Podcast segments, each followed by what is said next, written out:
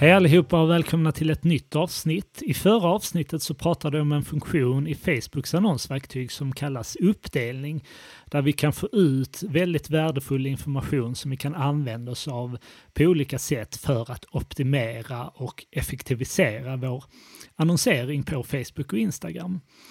Och under den här funktionen, uppdelning, så finns det ett val som heter placeringar.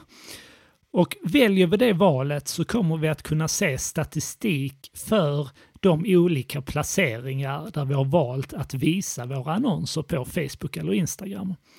Och det här är oerhört intressant information som vi kan använda för att optimera våra befintliga kampanjer eller data och insikter som vi kan ta ut för att kunna skapa bättre kampanjer i framtiden.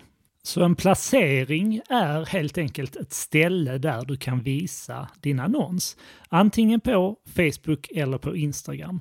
Man kan även välja att visa ut sina annonser i det som Facebook kallar Audience Network som är externa webbplatser som ingår i Facebooks annonsplattform.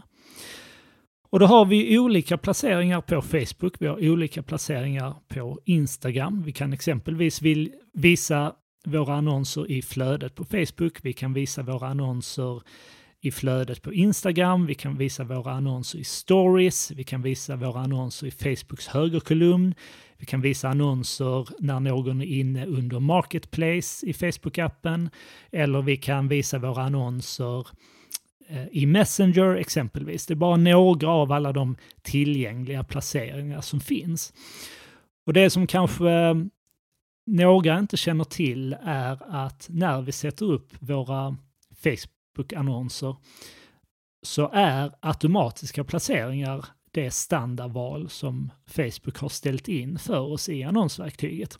Och det innebär att om vi inte gör några ändringar så kommer Facebook att visa ut våra annonser på de tillgängliga placeringar som finns, alltså väldigt många olika placeringar både på Facebook och Instagram.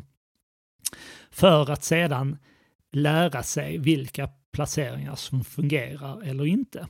Och efterhand så kommer då Facebook att visa ut annonserna i högre grad i de placeringarna som fungerar. Men om det är så att vi efterhand lär oss att det finns vissa placeringar som aldrig eller väldigt sällan fungerar för den målgrupp som vi vänder oss till eller för den typen av produkter och tjänster som ditt företag marknadsför. Då kan vi helt enkelt använda den informationen för att välja bort vissa placeringar när vi skapar våra kommande kampanjer. Och på det sättet säkerställa att den pengen vi lägger in i våra annonser kommer att spenderas i de placeringar där vi historiskt ser att vi får ett bra resultat. Så det vi vill göra här det är helt enkelt att utvärdera de här olika placeringarna. Så är det så att ditt företag har annonserat på Facebook, ni kanske har använt automatiska placeringar eh, Eh, fram tills nu, då har ni oerhört mycket data som ni kan få fram i annonsverktyget för att börja kunna se mönster kring vilka placeringar som fungerar och vilka som inte gör det. För er som inte annonserar på Facebook än, då hade jag rekommenderat att när ni skapar era första kampanjer så använd automatiska placeringar. Men gå medvetet in efter era kampanjer är avslutade. Gå in och titta på statistiken för de olika placeringarna för att försöka se mönster i om där finns placeringar som fungerar bättre eller sämre för er. Och för er då som använder konverteringsspårning, ja, men då tittar ni på vilka placeringar som tenderar att få en hög resultatfrekvens. För er som inte har konverteringsspårning där syftet är att driva trafik till en landningssida med hjälp av era annonser, men som saknar då konverteringsspårning, ni kan titta på länkklickfrekvensen. Det här har jag också pratat om i tidigare avsnitt. Länkklickfrekvens, för det är ju så, tittar du bara på klickfrekvensen, då kommer det att inkludera även andra sorters klick på din annons. Om syftet är att driva trafik, då är det länkklick frekvensen eller link click-through rate som vi framförallt vill titta på. Eh, och om du går till dina kolumner i annonsverktyget och väljer kolumnuppsättningen som heter resultat och klick, då kommer du ha en kolumn där som heter länkklickfrekvens eller link click-through rate. Och då kan du helt enkelt välja uppdelning och sen välja placeringar så kommer du se vad din länkklickfrekvens är för de olika placeringarna. Och här hade jag, för att du ska ha någon benchmark att gå efter, hade jag sagt att här vill vi se minst 1% länkklickfrekvens från våra olika placeringar. Så det du vill leta efter här, det är att se om det finns placeringar som har väldigt många visningar, men som har en låg länkklickfrekvens och därigenom avgöra om de här placeringarna fungerar för dig eller inte. Så den här informationen kan du ju använda både för att optimera befintliga kampanjer, alltså låt säga att du startar en ny kampanj, du väljer automatiska placeringar. Låt säga att den här kampanjen kommer att köra under en månad. Du kanske låter den kampanjen löpa under en veckas tid för att sedan gå in, välja uppdelning och välja placeringar. Och så kommer du få framför dig i din statistikvy statistiken uppdelad per placering. Och då kan du gå in och se där, finns det någon placering här där Facebook har valt att visa våra annonser väldigt många gånger, men där vi ser att ingen klickar in till vår landningssida eller där vi ser att vi inte får några resultat om det är så att vi optimerar för konverteringar. Så kan du gå in och redigera ditt adset välja manuella placeringar och helt enkelt välja bort de placeringar där du ser ett dåligt resultat.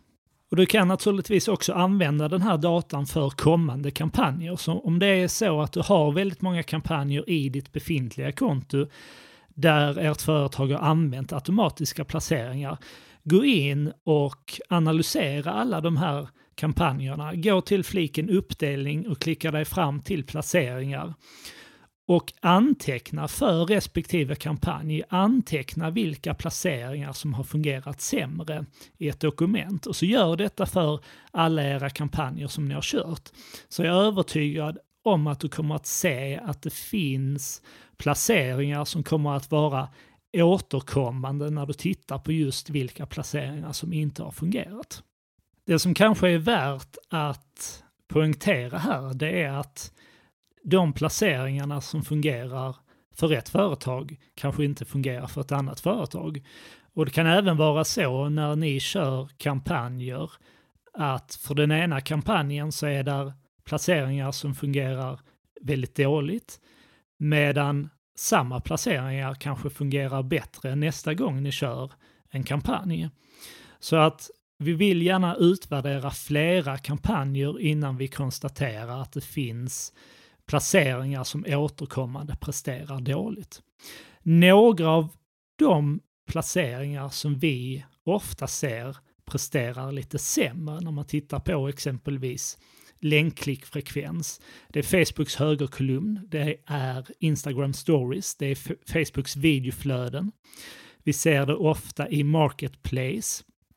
Vi ser generellt eh, väldigt ofta att eh, vi tenderar att få en högre länkklickfrekvens på Facebook än på olika Instagram-placeringar. Men det här kan som sagt vara väldigt, väldigt individuellt. Vi ser många företag som har ett betydligt bättre resultat på Instagram än på Facebook. Och vi ser även att i vissa adset så fungerar vissa av de här placeringarna bra.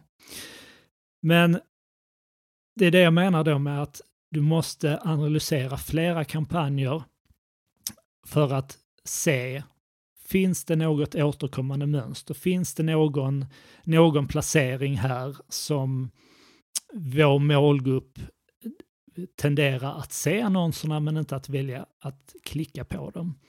Så gör den här analysen i flera kampanjer för att just hitta de placeringarna som inte fungerar för just ditt företag och den målgruppen som ni vänder er till.